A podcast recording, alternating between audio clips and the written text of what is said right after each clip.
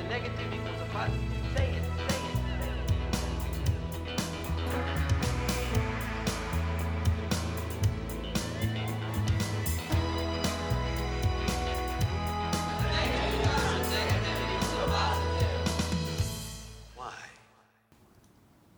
Hej och välkomna till podcasten Anpassa skolan med Jimmy och Cissi. Och det här är avsnitt 16. Och nu är det höstlov. Ja, vad skönt. Ja. Eller hur?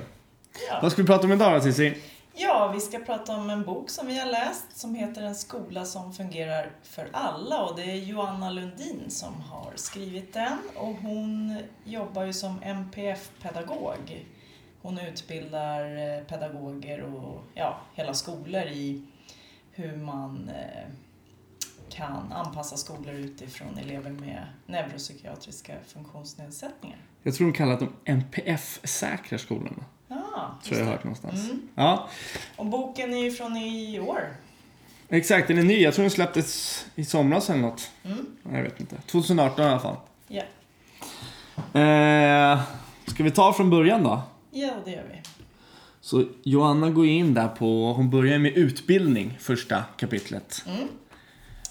Och vilken typ av utbildning menar hon då? Ja, exakt. Hon pratar ju väldigt mycket om att eh, utbilda hela skolpersonalen. Alla som jobbar i skolan och då gäller det ju allt ifrån eh, från rektor ner till, hon tar ju upp städare, eh, vaktmästare, Matsalspersonal. matsalspersonal, lärare såklart och kuratorer och allt sånt där. Så att all personal ska med in på tåget. Och det är ju ett förändringsarbete som tar väldigt lång tid. Och hon säger även att det ska inte behandlas som ett litet jippo som man gör under en kort period.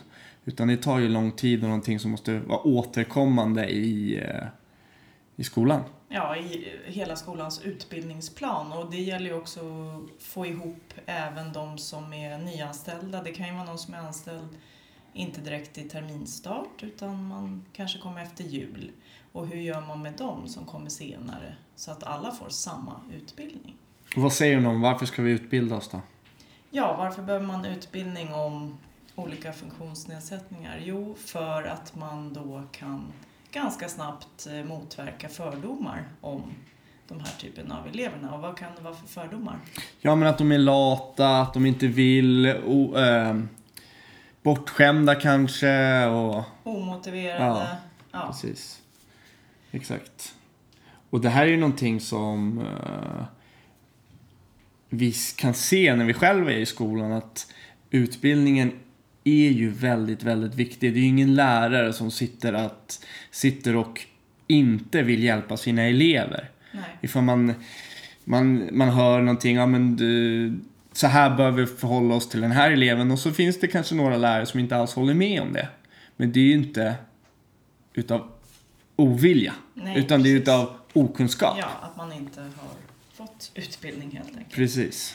Ja, så hon pratar mycket om det då, att all personal ska få samma utbildning. Sen nämner hon även att man kan utbilda eleverna om olika funktionsnedsättning. Mm. Och då pratar hon mycket om att man ska använda begreppet normal och lyfta upp det på agendan och prata om det. Att det kanske inte ens finns något som man kan säga är normalt utan alla elever är olika. Så det är någonting man kan jobba med eleverna också. Att man ska ja, försöka få bort känslan av att det är något onormalt om man nu skulle ha en diagnos. Precis. Hon pratar upp även lite om föräldrautbildning och så, utbilda föräldrar. Mm. Och eh, att en sån här eh, satsning, får man kan kalla det, det att det får ju en skola och så att jobba tillsammans. Mm. Alltså det har ju vi pratat om mycket i våra andra avsnitt också, att man... eh, Ett samarbete, det är ju teamwork. Det är ju det är alla som måste med på tåget, det är hela skolpersonalen, det är föräldrar, det är eleven Mm. och så. Och det kommer med kunskap. Precis, och hon menar ju det här att föräldrar som har elever med funktionsnedsättning kan ju ibland känna sig utanför. Att alla pratar om mitt barn, men de pratar inte med oss om barnet. Så då om man skulle ha några temakvällar om det här för alla föräldrar så blir det också mer avdramatiserat och man känner sig inte utpekad. Och sen kommer vi in på eh, kapitel två i boken och där pratar ju Joanna om värdegrunden. Mm. Och lite om vad har vi pedagoger för roll Och vad har vi för eh, uppgift och ansvar? Och då nämner de mycket det här att om man ska kunna få en förändring i skolan så måste man börja med att se hur vi själva uppfattar oss som pedagoger och vad har vi för inställning till vårt arbete. Och där nämner hon lite olika saker som är viktigt att ta upp. Bland annat elevsyn. Mm, precis. Och det börjar ju, börjar ju ofta med hur vi tänker på relationer och så. Hon tar upp mycket om relationer som jag tycker är väldigt viktigt och väldigt kul, eller som vi tycker. Eh, och där säger hon ju faktiskt, jag, jag direkt citerar henne där. Alla elever ska ha minst en god vuxenrelation på skolan. Det här är en otroligt viktig frisk faktor. Det tycker jag var en, eh, ja men det var en jäkligt enkel sätt att se hur relationsskapandet är på skolan. Och hur hittar vi ifall eh, eleverna har Ja, relationer med... Ja, hon ger lite exempel på att man kan göra Dels att vi pedagoger går igenom elev för elev och ser till att alla har någon vuxen som de kan kontakta. Eller så kan man även göra en elevenkät och höra med dem. Har ni någon som ni känner er trygg med och som ni kan eh, gå till om ni har några problem? Precis, hon säger faktiskt att vi ska göra båda sätten. Mm. Vi ska göra både vuxenkolla och sen kolla med eleverna från båda hållen. Och hon tar ju upp även det här, och det här pratade vi om i första avsnittet. Om relationer i avsnitt 1, relationspedagogik. Att när vi lyckas bygga de här goda relationerna med eleven, att vi just då kan hitta nycklarna för att göra den här eleven till att bli det bästa jaget. Och även så får man ett otroligt förtroendekapital. Mm, som du kan bygga vidare på sen. Så man kan bygga vidare, så man kan prova nya saker, man kan faktiskt misslyckas.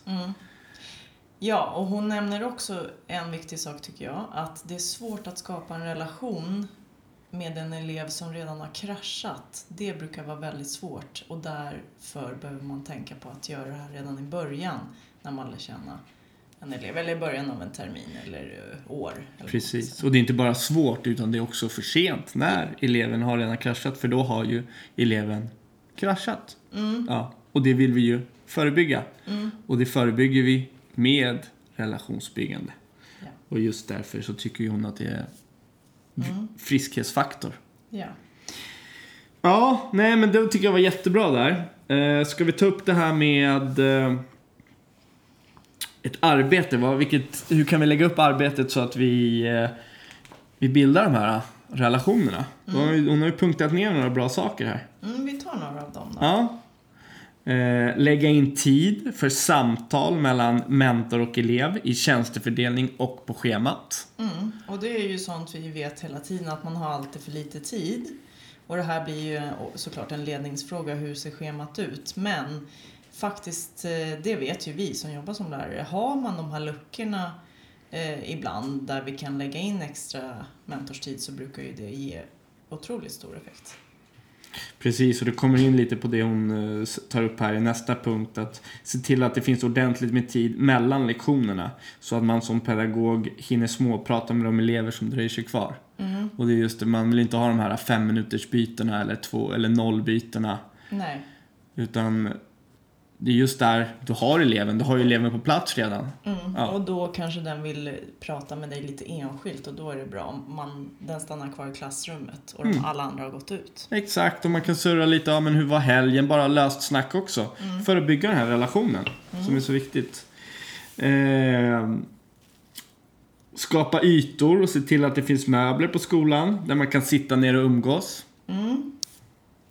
Ja, och att eh, faktiskt att man ska till att vuxna alltid finns ute bland eleverna.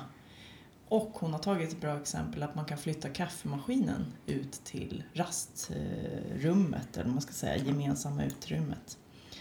Det tycker jag är rätt bra. Ja, exakt. Eh, det var ju en ganska roligt exempel, för förra veckan var kaffemaskinen sönder på mitt jobb. Och då gick läraren och hämtade kaffe i kafeterian istället. Och då satt man där och drack kaffe, eller vissa i alla fall.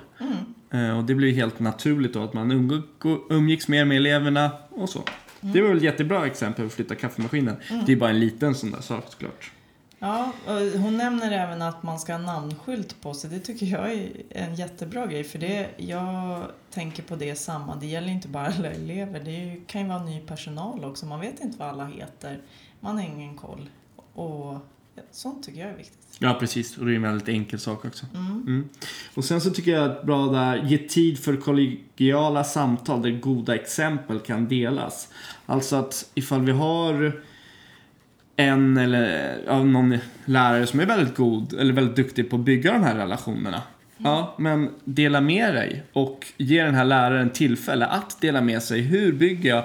Och varför inte följa med, göra såna här äh, följa med den här eleven eller den här läraren i klassrummet. Hur jobbar den?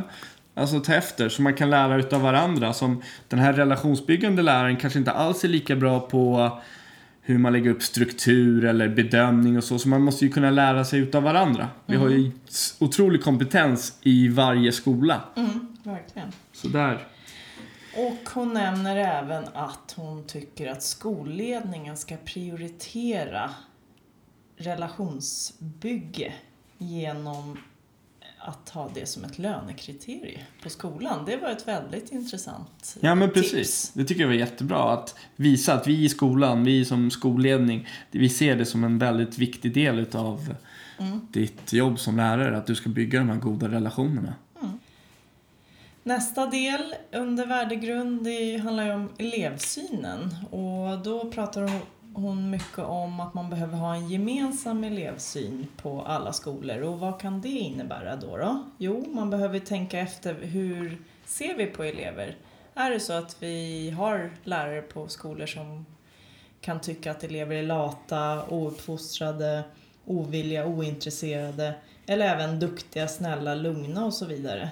Och vad, hur ska man tänka då? Vad säger det om oss vuxna? Har vi rätt att bedöma det överhuvudtaget? Och det handlar om förhållningssättet då. då. Att vi måste tänka att ja, barn gör rätt om de kan. Ja, som vi tar upp i eh, de två tidigare avsnitten. Förhållningssättet som vi utgår från i de samtalen. Exakt, och det pratar hon också mycket om. Barn gör rätt om de kan. Det tar hon ju upp flera gånger i boken. Ja, och lite det här, är det eleven som är problemet eller är eleven i en problematisk situation? Och det måste man ju vända lite på tanken om man säger så.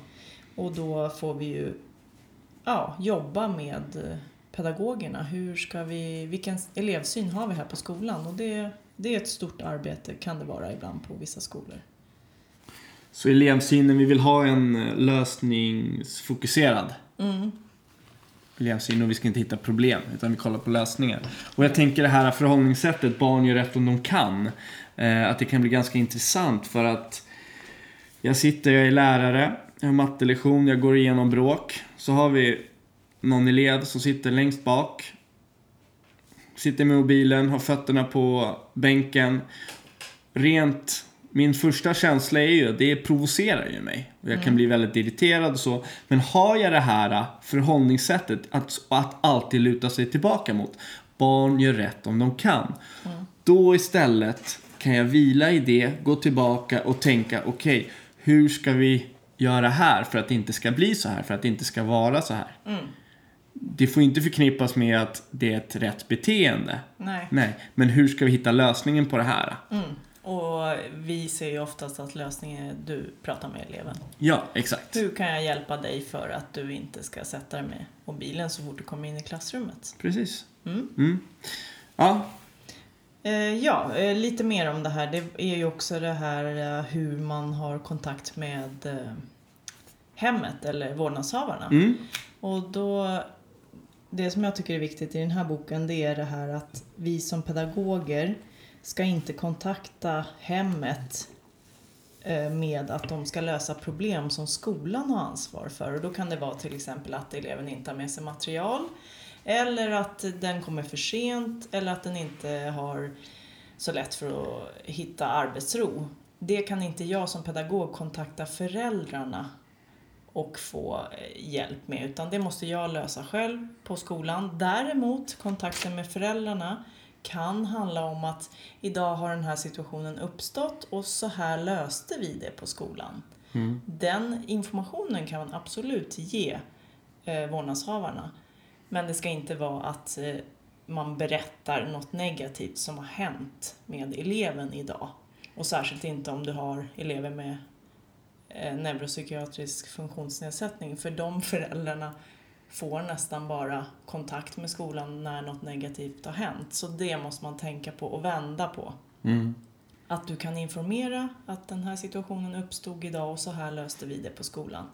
Men du ska inte kontakta hemmet för att säga, säga till dem att eh, eleven måste ta med sig materialet till skolan för det, är, det kan du lösa på skolan. Mm. Det tycker jag är en väldigt viktig grej. Och en liten parentes här som jag lägger in som jag tycker är väldigt viktigt i den här kontakten med hemmet. Försök gärna ifall man har kontakt med hemmet och det är en jobbig situation med eh, eleven. Att eleven kanske inte kommer till skolan, har problematisk skolfrånvaro och sådana saker. Men även hör av er till hemmet, lyft de här goda exemplen. Idag gick det jättebra.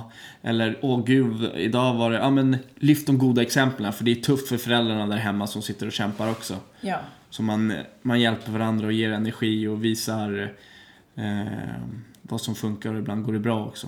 och det här är alltså kopplat till elevsynen, för det handlar ju om vilken elevsyn du har som pedagog. Att, eh, ja, om man tänker att det är jag själv som pedagog som ansvarar för att lösa situationer i skolan, eller om man tänker att det är ja, föräldrar eller elever.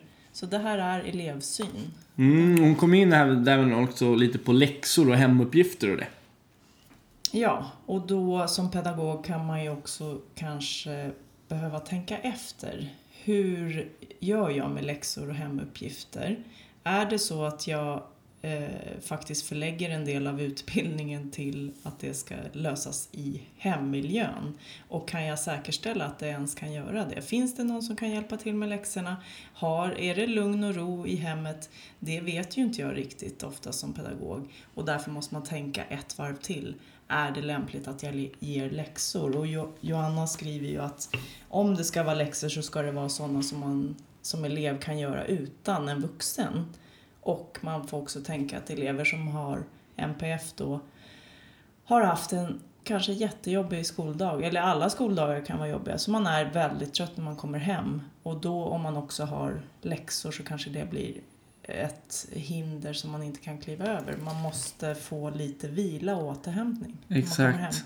När vi är hemma måste vi också, måste, det ska vara tid för återhämtning. Mm. Eh, och det gäller ju, ja för oftast blir det ju tvärtom att de eleverna som ligger efter, missar skolarbete, det är de som behöver återhämtning som mest. Ja, och då blir det väldigt motsägelsefullt att även ge dem läxor. Exakt, packa på dem extra mycket läxor också för att de har missat. Ja, Ja. så där måste man ta ett varv till. Och det kan man gärna ta på skolnivå, alltså hela, hela skolan kan tänka efter. Är det, behövs ens läxor? Ja, jättebra. Eh, vi kommer in på kapitel 3 då, som är sista kapitlet, som är lärmiljöer. Ja, lärmiljöer då, då och då har Joanna gått in lite på hur man kan eh, gå igenom en skolas lokaler och se om man har skapat en tillgänglig lärmiljö. Och det här gäller ju inte bara för elever med neuropsykiatrisk funktionsnedsättning utan alla såklart. Och då kan man titta på hur är entrén på vår skola? Är det tydligt vilken entré som är huvudentré? Behöver vi sätta upp skyltar? Vilket är det första intrycket när man kommer in på skolan? Är det rent och fräscht? Är det något som är trasigt? Finns det tydliga skyltar som visar vart man ska ta vägen? Finns det fotografier på de som arbetar på skolan? Finns det någon att fråga om det är något man undrar över? Ja, är det mycket saker uppsatta på väggarna? Är det nya saker eller är det gammalt material? Är det rörigt? Eh, ja, det är en grej. Och sen är det, som jag tycker är viktigt, hur är ljudvolymen?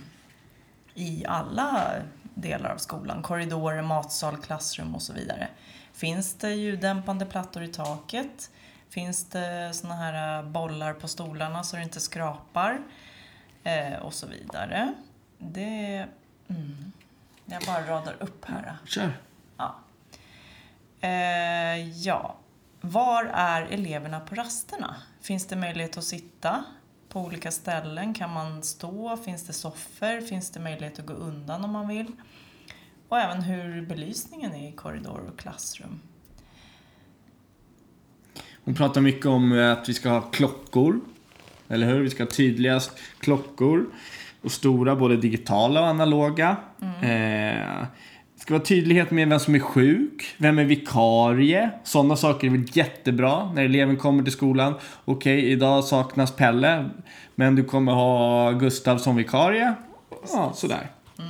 Det är väl en jättebra sak. Ja, och hur är klassrummen möblerade? Och det är ju, kan ju vara väldigt traditionellt att bänkarna kan stå i rader eller i hästskoform och så.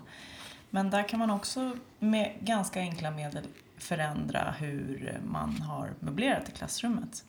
Att det kan vara olika typer av möbleringar. Det kan vara runda bord, det kan vara ståbord, saccosäckar, fåtöljer och så vidare. Mm.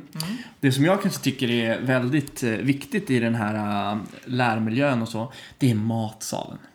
Matsalen tycker jag ofta är det är när man har rast, mitt på dagen, när man ska återhämta sig, få i sig mat och så. Det är ofta väldigt mycket folk, det är ofta väldigt rörigt, väldigt mycket ljud och så. Och det kan göra att eh, eleverna kanske inte äter.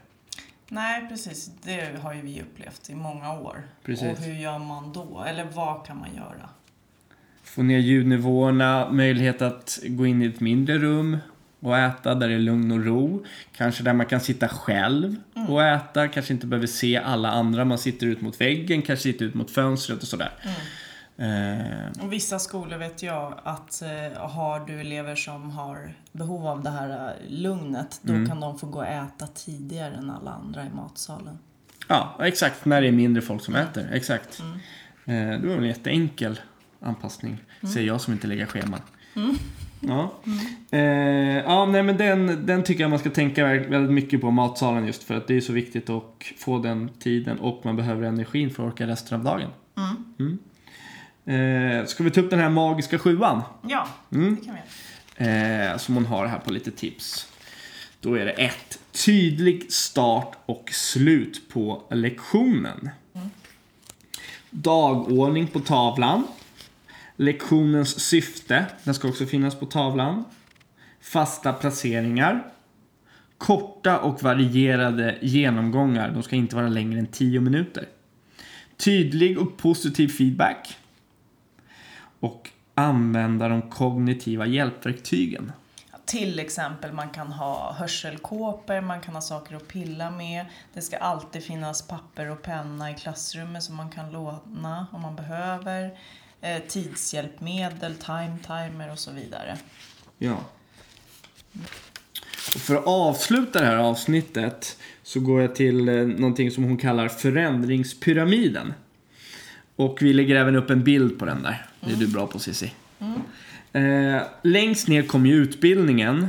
Och det är utbildningen som kommer att leda uppåt till värdegrunden och sen de fysiska lärmiljöerna och anpassningarna. Det spelar ingen roll ifall vi gör en anpassning men sen om inte värdegrunden sitter eller utbildningen sitter hos personal så kommer ju ändå inte de här anpassningarna göra någonting. Nej. Nej. Utan värd, eh, utbildningen hittar kunskapen, att hela bygget får kunskap. Det är det viktigaste. Från kunskapen bygger vi en värdegrund. Från värdegrunden bygger vi vidare på anpassningar och den fysiska eh, lärmiljön.